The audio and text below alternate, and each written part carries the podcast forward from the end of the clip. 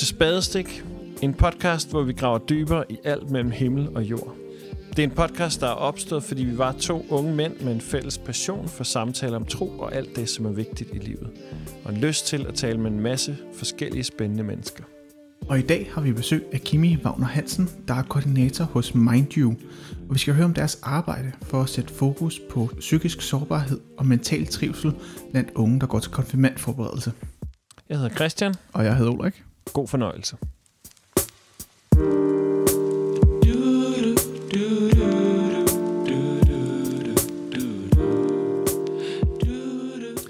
Velkommen til, Kimi. Øh, vil du ikke fortælle os en lille smule om, hvem det er, du er, og hvad det er, du laver? Jo, jamen øh, mit navn det er Kimi, og jeg er 23 år gammel, mm. 24 på lørdag. Så, tillykke. og øh, til dagligt, der studerer jeg teologi ved Københavns mm. Universitet. Jeg har studeret i tre semestre. Og øh, ved siden af det, så har jeg et øh, studiejob som lokalkoordinator i Helsingør Stift, Stift for øh, projekt Mind You, mm. der er en del af et projekt, der hedder Unge på vej, ja. som er en del af en forening, der ja. hedder Det Sociale Netværk. Så, det er et stort netværk. ja. Fantastisk. Ja. Og det er jo netop derfor, vi har inviteret dig med, øh, fordi det, vi laver nu, er jo den her serie, som vi kalder Make Denmark Great Again, hvor vi prøver at tage fat i, i nogle af de områder, nogle af de folk, som reelt set er med til at gøre Danmark til et bedre sted. Og i Mind You, så det laver det jo at sætte, øhm, sætte fokus på psykisk sårbarhed og på mental trivsel. Hvordan er det, du er blevet en del af det? Jamen, øh, jeg faldt over stillingen, da jeg øh, var droppet ud af mit tidligere studie på litteraturvidenskab, mm. og egentlig troede, at jeg skulle øh, ud og rejse lidt. Og øh, så øh, tjekkede jeg min konto, og den så ikke øh, ud til at tillade det. Og øh, så var jeg så heldig, at, øh, at jeg mm. ja, faldt over det her opslag øh, på, øh, på en Facebook-side, ja. hvor at de søgte en ny koordinator for Helsingør Stift, som var sådan helt nyt øh, mm. åbnet op. Vi øh, dækker otte forskellige stifter, ja. og øh, Helsingør er et af de allernyeste sammen med London Falster. Fedt. Ja. Alt godt på Lolland Falster. Lige præcis. Ja, vi har lige fået ansat en, en koordinator på Lolland Falster, faktisk. Ja. Det har været en udfordring. det forstår man jo ikke. Nej, det gør man ikke. Gør der øhm, lidt københavneri. Ja, nu, nu kommer der lidt, lidt snop Vi beklager for vores øh, meget... Øh, vores store segment på Lolland Falster. Jamen, det kan godt være, der er sådan lidt. ja, det, det kan være. På Vi klipper det ud. Ja. Fantastisk. Nej, men øh, jamen, jeg skrev lidt om, øh, hvem jeg var, og mm. øh, hvad min baggrund er. Øh, jeg øh, har haft en, en, øh, en hård opvækst i og med, at jeg øh, har oplevet en hel del sorg. Jeg mistede min mor som 12-årig. Ja. Og øh, det var ligesom det, som jeg beskrev mm. i min ansøgning, og, øh, og blev kaldt til samtale. Og så fik jeg jobbet. Fedt. Og øh, ja, så blev jeg i Danmark og, og arbejdede ja. med det, indtil jeg startede på teologistudiet. Ja. Og hvad er det, hvad er det jeres, øh, hvordan er det, jeres arbejde foregår i MindYou? Hvad er det, I laver? Jamen, øh, altså MindYou er som sagt en del af Unge på Vej. Og Unge på Vej er et, øh, vi kalder det et fortællerkorps, okay. øh, som øh, består øh, primært af frivillige, mm. men så selvfølgelig også øh, nogle betalte koordinatorer. Og, øh, og vi har førhen haft nogle workshops til øh, folkeskoler, efterskoler og højskoler. Ja. Og, øh, og så for nogle år siden, så øh, besluttede de sig for, at nu skulle vi prøve et nyt segment. Mm. Nogle lidt yngre unge mennesker.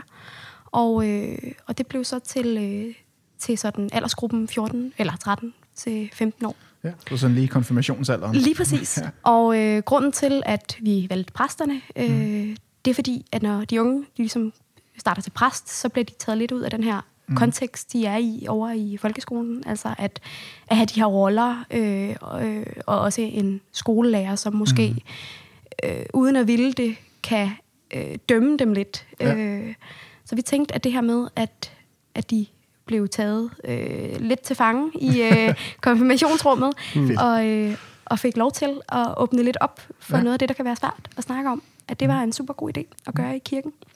Og det er jo så for at forbedre deres mentale trivsel. Mm. Hvorfor er det, det er vigtigt, at vi har fokus på unges mentale trivsel i dag? Jamen altså, hvis man følger lidt med i medierne, så ser man jo øh, en helt ekstrem stigning i unge mennesker, som, som har det rigtig, rigtig svært. Ja. Det starter tidligere og tidligere. Øh, ikke fordi jeg som sådan tror, at, at, det, at de unge mennesker har det nødvendigvis sværere, end de har haft, men, mm. men fordi vi begyndte at sætte så meget fokus på det, ja. så øh, bliver vi jo også nødt til at, at tale om det. Ja.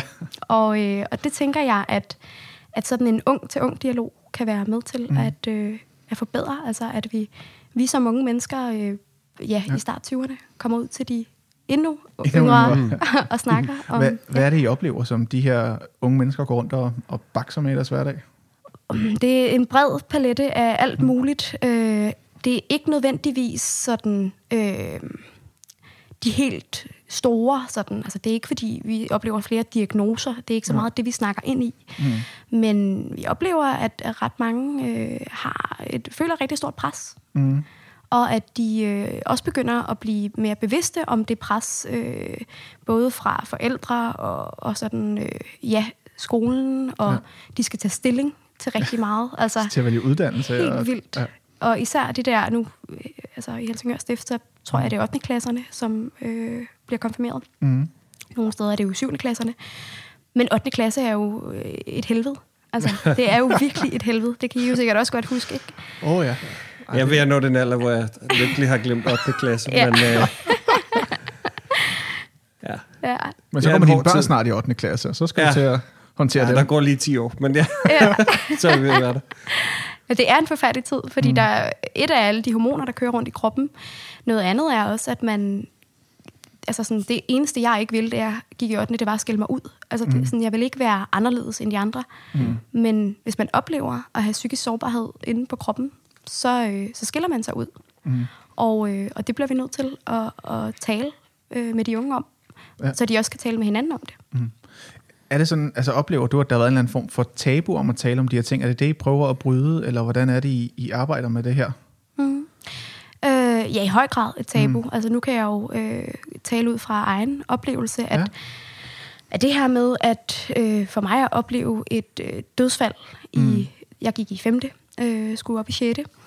Det var øh, virkelig svært at snakke om. Ja. Øh, først og fremmest, fordi man ligesom oplever, at man, øh, de andre de ligesom snakker om en bag ja. ens ryg, men ikke til en. Ja. Fordi man har ikke rigtigt sprog at mm. tale mm. øh, ud fra, og man har ikke rigtig sådan en måde at mødes i mm. det, der er svært. Øh, det er heller ikke rigtig noget, vi får fra, fra en underviser eller ja. en skolelærer. Det er noget, man skal finde ud af når, i sin fritid og med mm. sine forældre. Og, øh, og det, øh, det tror jeg, at, at kan, altså, kan være rigtig svært. Ja. Primært for, for fyre oplever vi, at, at der er virkelig øh, ja. en udfordring. Vi har lidt svært ved at tale om vores følelser. Ja, det går i hvert fald lidt langsommere. ja, tror jeg godt, jeg kan ikke genkende det til. Ja, ja. Og, og det er netop det, som vi tror, at, mm. at nu, nu er vi primært øh, kvinder, ja.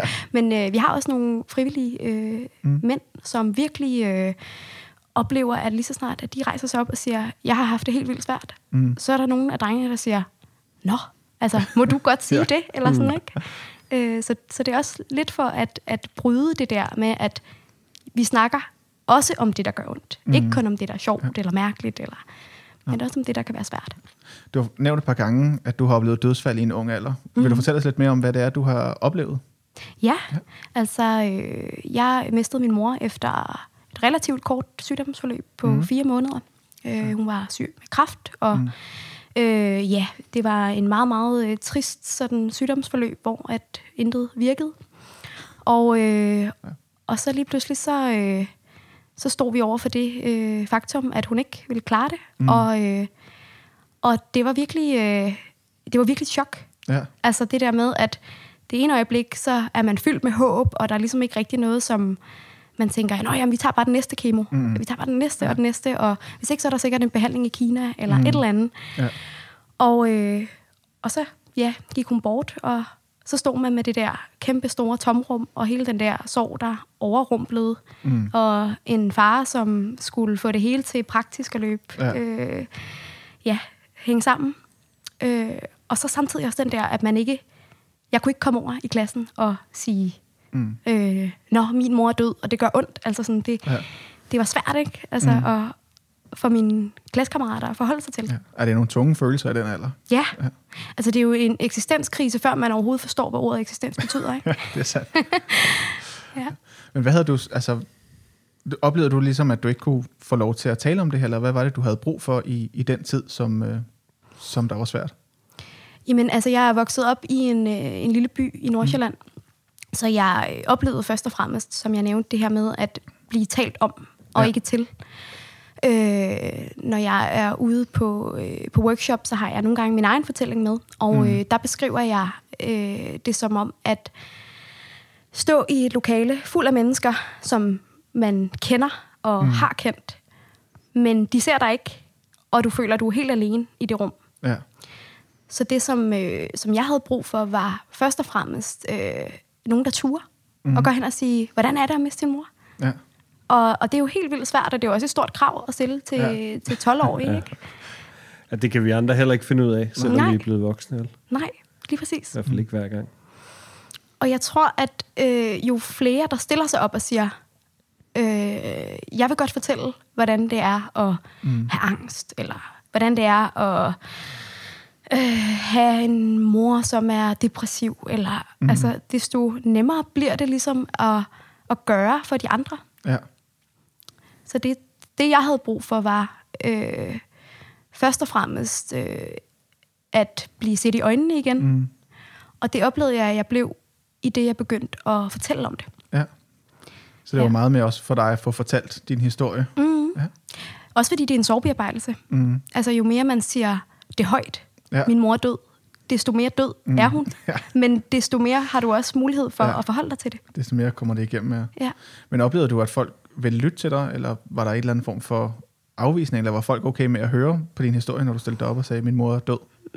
Altså, jeg stillede mig som sådan ikke op. Øh, jeg skrev faktisk Ja. øh, en, et blogindlæg. Jeg lavede en blog, og så lagde jeg hele øh, beskrivelsen af min mors sygdomsforløb øh, og hendes mm. død helt ned i sådan helt groteske detaljer. Altså som 12-årig, eller hvad?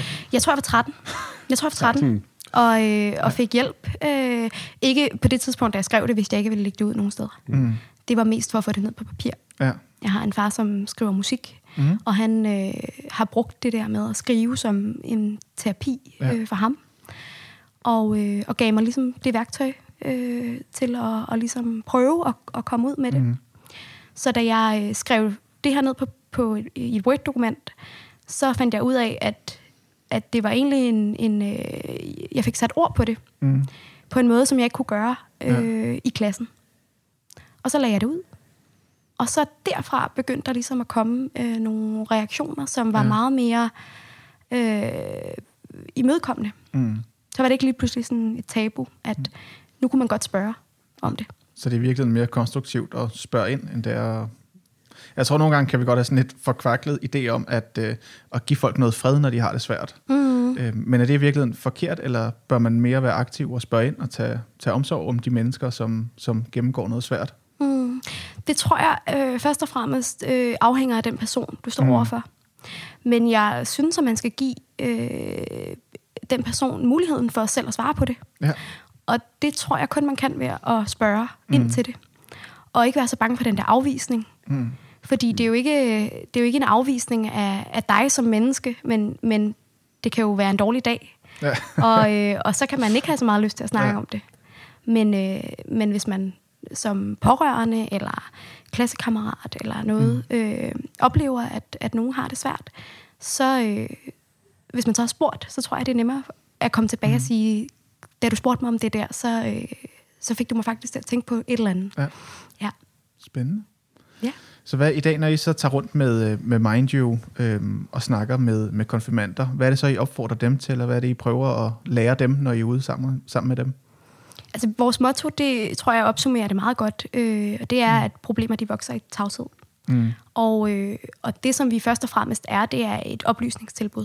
Ja. Vi er ikke en, en terapiform eller, mm. eller som sådan noget. Det kan være, det er indirekte. Øh, men vi tager ud og oplyser om, øh, hvordan det er at være psykisk sårbar på den ene eller anden måde. Mm. Øh, og at psykisk sårbarhed ikke betyder, at du nødvendigvis har en diagnose eller sådan en psykisk lidelse, men at det også sådan er en helt essentiel del øh, af det at være i live. Mm. At det kom, kommer til at gøre ondt. Ja. Øh, og det behøver ikke at være dødsfald eller skilsmisser øh, eller mobning. Det mm. kan også bare være dårlige dage, der hober sig op ja. og bliver svære at gå med. Mm. Så på et eller andet tidspunkt, så kan vi alle sammen stå i en, i en situation, hvor vi har brug for noget bedre mental trivsel. Ikke? Lige præcis. Så bare det at være åbne og snakke med folk, det, det kan gøre meget. Ja. Mm. Ja, og så også at sådan vise dem ved at tage en frivillig med, Mm. at her har vi et eksempel på et menneske, som har mod til det. Ja. Og, øh, og det er for en 8. klasse, tror jeg, enormt inspirerende. Mm. At se et menneske, som faktisk stiller sig op og gør det. Ja. Øh, og at det menneske udadtil virker øh, velfungerende, mm. og er det. Og er velfungerende. ja, Ja. ja. Det tror jeg virkelig gør en forskel. Ja. Oplever I, der er mere, altså oplever der dårligere mental trivsel nu, end der har været tidligere? Jeg tænker mere sådan i forhold til sociale medier, der hører vi jo meget om, at der bliver sat urealistiske forventninger til unge og 12-talskultur og alle de her ting. Mm. Øhm, som jeg også tror, vi har snakket om i et tidligere podcast med en, en anden psykolog. Øhm, men oplever du, at der er en, et andet øh, miljø for unges mentale trivsel i dag, eller hvordan ser du det? Ja, altså jeg, jeg tror, det er svært, fordi det, man kan let komme til at sådan samfundsdiagnostisere, ja. og det er jeg ikke uddannet til. Ja. men, øh, men jeg tror, at der er som sagt en... Altså, vi snakker mere om diagnoser, Mm. øh, og om det at have det svært. Ja. Så øh, unge mennesker lærer meget hurtigere, at, øh, at det at have det svært er problematisk, mm. tror jeg. Mm. Øh, og om de har det sværere end tidligere med de sociale, altså sådan med pres og så videre, Ja. det, det, det tror jeg måske, de har. Mm. Altså sådan, ja, der ligger jo øh, med uddannelsesreformer og alt muligt Ja. ja. politisk øh, et pres, som er stort. Mm. Men det har der jo også været førhen. Mm. Og jeg tror øh, at egentlig, at det, det er fordi, vi snakker så meget om det fagligt, Ja. men vi snakker ikke så meget om det øh, åndeligt mm. eller psykologisk. Altså sådan, vi går ikke ind i samtalen. Nej. Vi diagnostiserer bare, og så stiller vi os på afstand igen. Mm. Hvad tænker Der er du? jo, jamen, jeg tænker bare, der er jo, det lyder som om, at I, I prøver meget at være der, hvor, øh, hvor, hvor diagnoserne og, og sådan, og det der ikke lige, jeg jeg vil næsten ikke sige slår til, men der hvor de ikke, altså, der hvor de ikke lige rammer, ja. altså fordi, for jeg tænker, du har helt ret i det der med, at vi har så stor fokus på, på diagnoser, og på ligesom at sætte et label på ting, mm.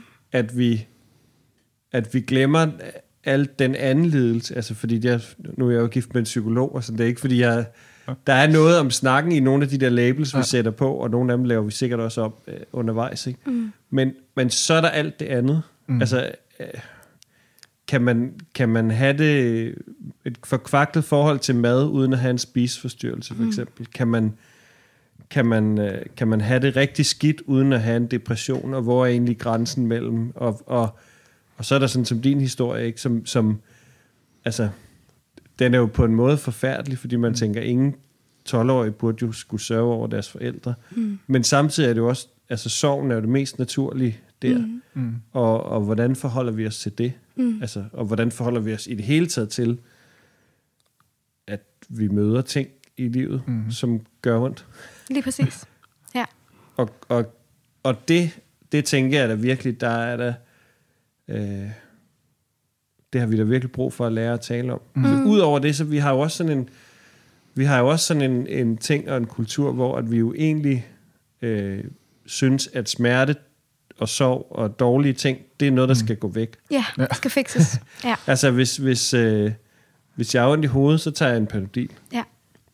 Men i virkeligheden har jeg måske ondt i hovedet, fordi at, øh, jeg ved jeg, Glemt jeg at sidder vand, eller? stift hver dag og arbejder 10 timer foran en computer. Ja. Altså, det er Ja. ja. naturligt, jeg har ondt i hovedet. Ja. Øhm, og sådan, vi, vi har sådan en eller anden tanke om, at alt, alt det dårlige, det er en fejl, Ja, Mm. præcis. og det skal vi af med. Og hvordan, mm. hvor hurtigt kan vi komme af med det? Ja, ja sådan en symptombehandling, ikke? Ja, Ja. og, og nogle ting er jo bare, ja, Der, er jo bare hårde. ja.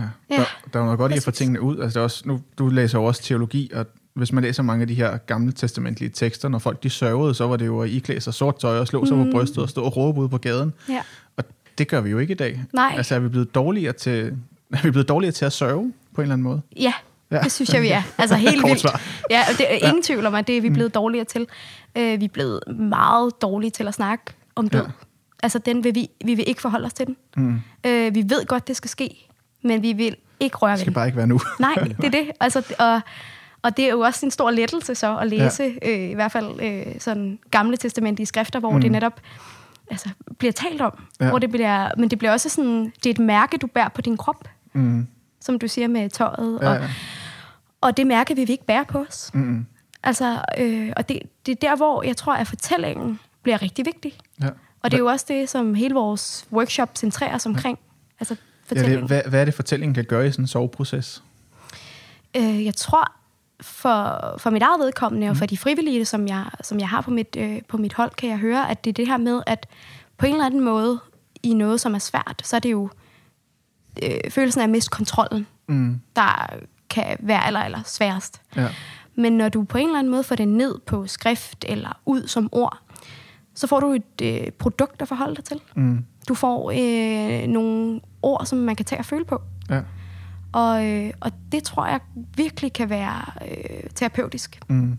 At man får lov til at sige, øh, den her følelse har jeg svært ved at sætte ord på, men hvis jeg skulle gøre det, så var Ja. det sådan her, det føltes. Mm. Spændende. Mm.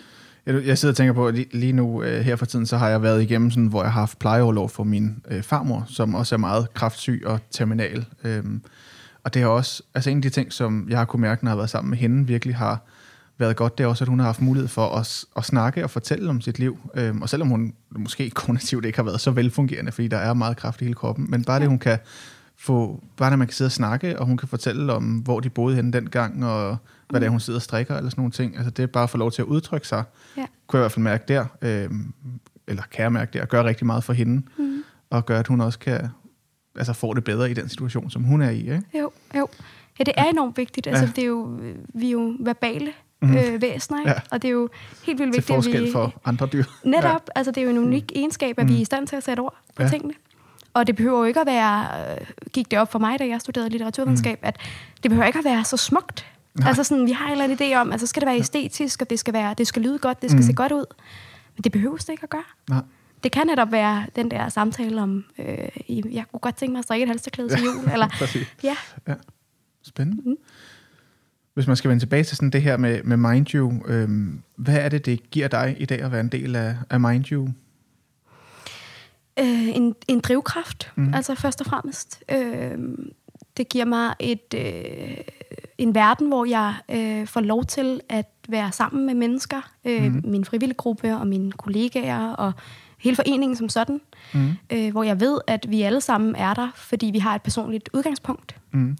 Og, øh, og det er en alle mulige forskellige øh, personlige udgangspunkter, men, men det der med at, at vide, at vi står på det her, fordi vi tror på, at det kan gøre en forskel. Mm.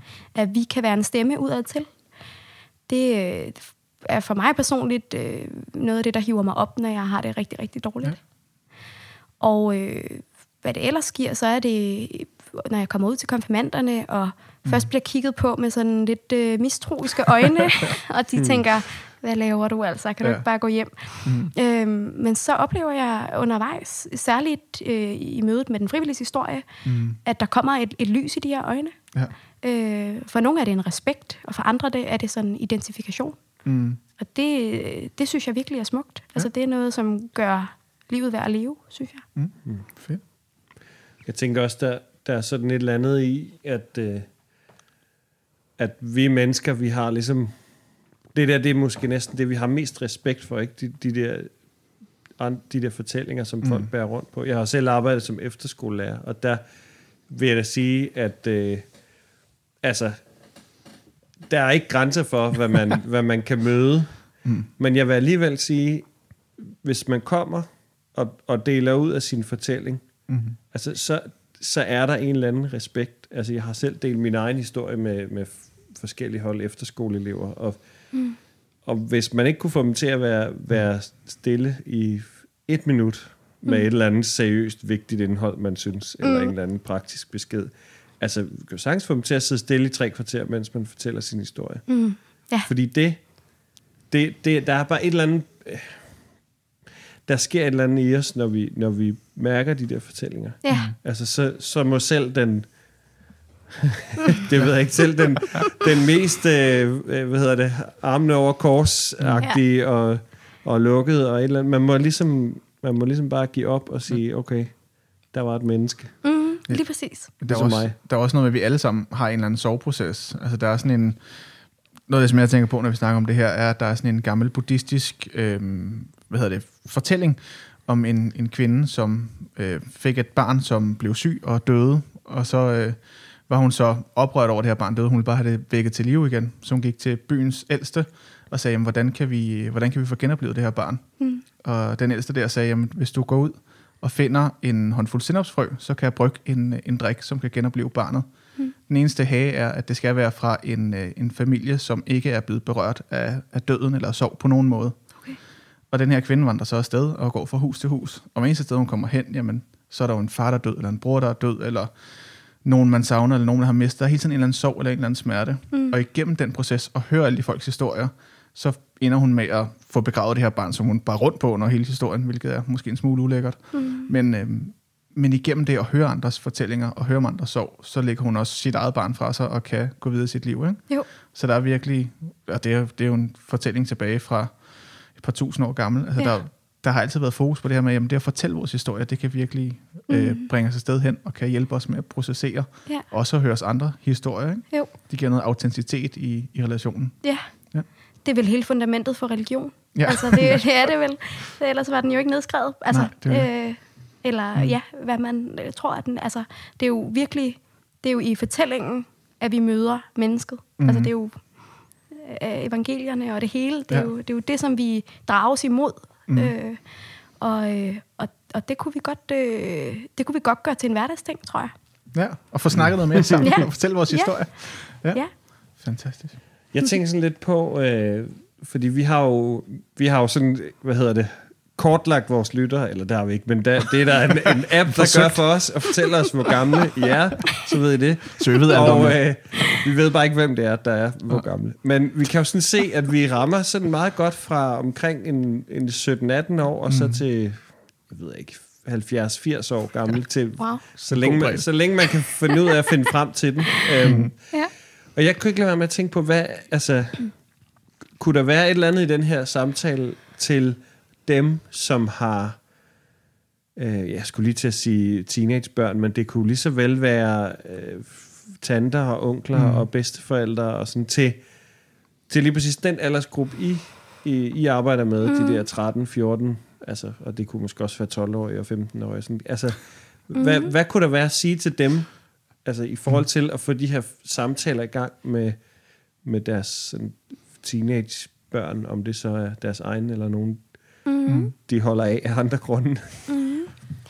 Uh, ja, det er svært, fordi jeg ved ikke om, hvis man, hvis man øh, går til en, en, en øh, 13-15-årig med spørgsmål, mm. så tror jeg, at man møder øh, sådan ja. en lad være blandt dig øh, mm. attitude. Og øh, jeg tror først og fremmest, det handler om at skabe et trygt rum. Så hvis mm. vi snakker til forældre eller moster til, altså familie, så er det jo at sørge for, at, at, øh, at du skaber en atmosfære, som, som giver plads og lyst til at komme med noget, der er svært. Mm-hmm. Øh, og det kan jo være svært. Altså, det er også derfor, vi, vi, vi, vi øh, møder dem i konfirmationslokalet, fordi der er, de, de, der er ikke nogen forbindelse til forældrene som sådan. Mm. Øh, fordi jeg tror, mange i 8. klasse er lidt er lidt bange for forældrenes reaktion. Mm. Det, altså, det kan vi også se på, på det, de skriver. De skriver en evaluering øh, i slutningen øh, af vores workshop, hvor de siger, jamen, grunden til, at de ikke snakker om at have det svært, er simpelthen, fordi de synes, at det er enten pinligt, og så er de helt utrolig bange for at blive dømt. Mm. Altså dømt hvorhen?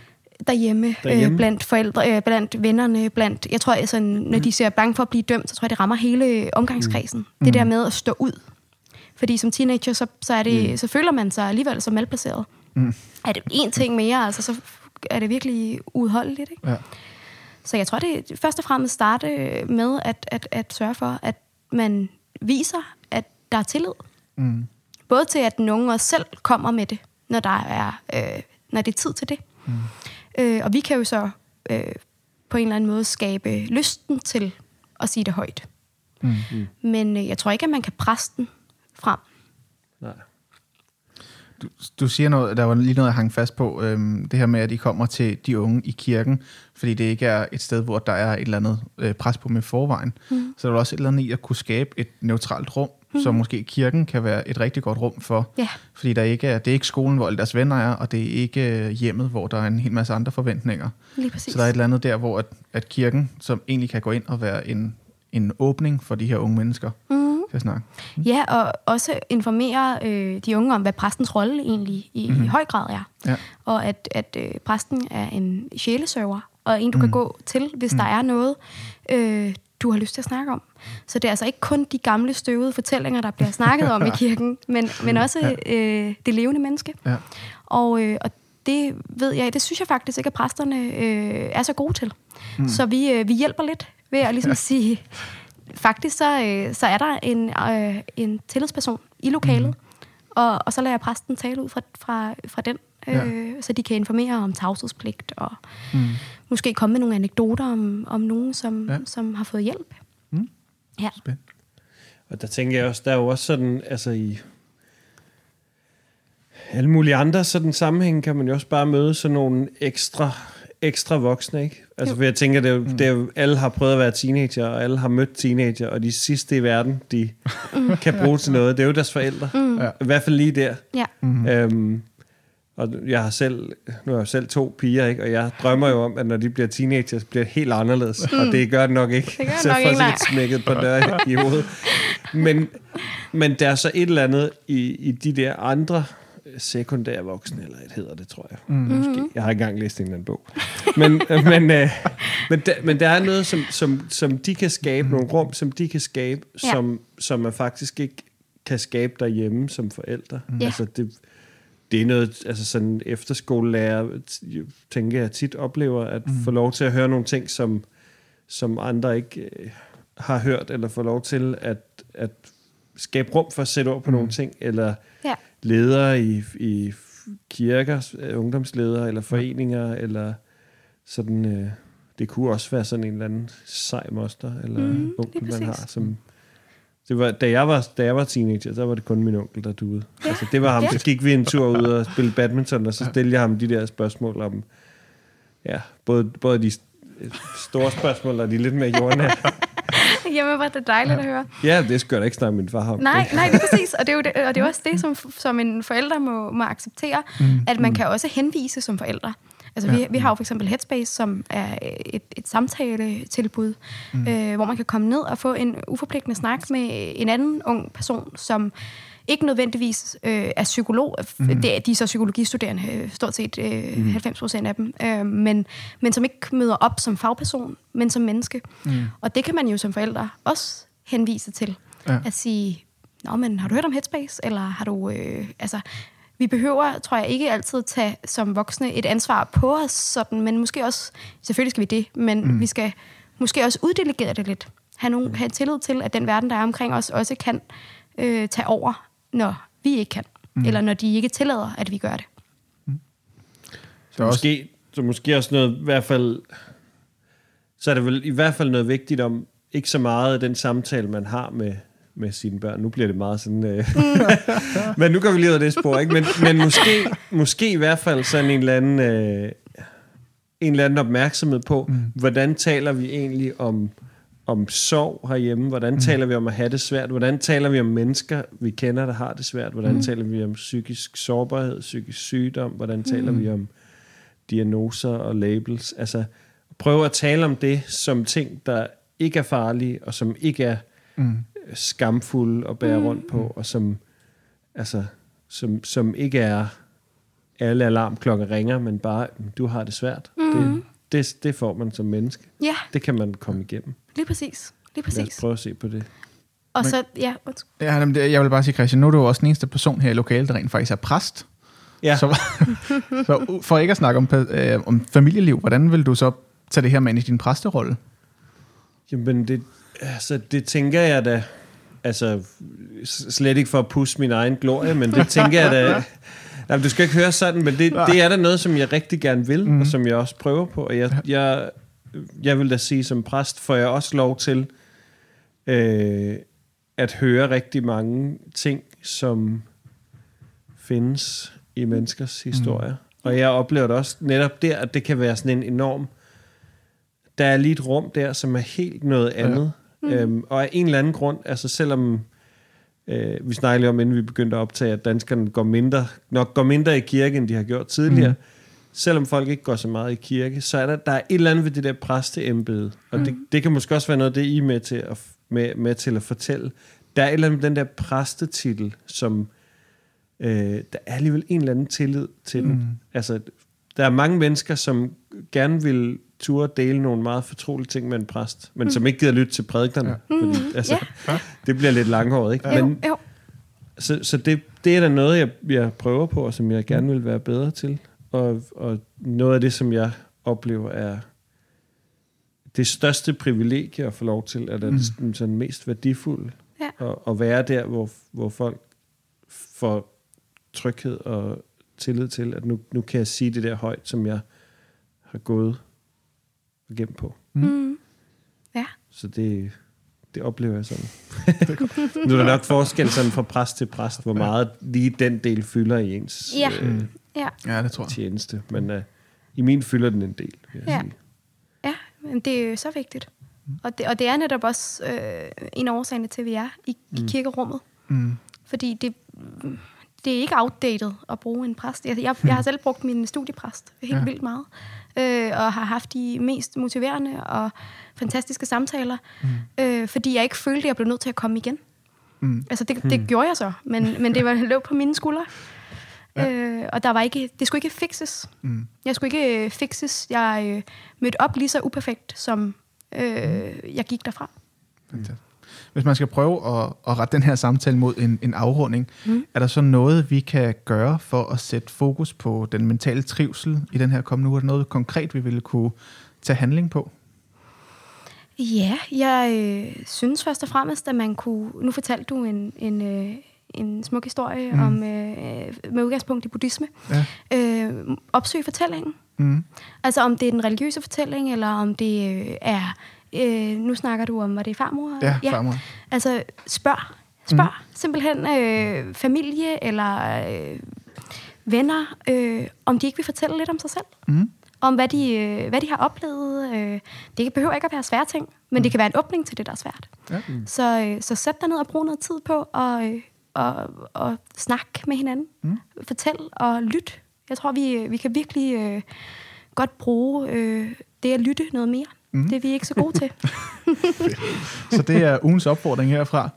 Hvor kan man øh, finde mere om, om dig og om Mind You, hvis man er interesseret i det? Jamen, det kan man. Øh, vi har en øh, Facebook-gruppe, mm. en Facebook-side. Øh, foreningen hedder Det Sociale Netværk. Ja. Og øh, hvis man googler Det Sociale Netværk, så vil man automatisk komme ind på en, en hjemmeside, hvor mm. at alle vores projekter og historien bag øh, Det Sociale Netværk også ja. ligger.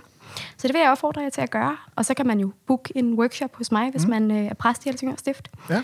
Så, øh, Eller også en af dine kollegaer, hvis man Eller, er ja, andet sted. Ja, nogen i Vandløs? Ja, vi har. Vi dækker også øh, København, og, København Stift og Roskilde, og mm. ja, en hel masse. Sådan. Fantastisk. Jamen tak til dig, Kimi. Tak fordi du lavede med. Tak fordi jeg mm. måtte komme. Ja, velbekomme. Og tak til jer, der lyttede med derhjemme. Og som altid, hvis I har nogle spørgsmål eller forslag, så skriv endelig til os, for vi vil meget gerne høre fra jer. Tak for nu. thank you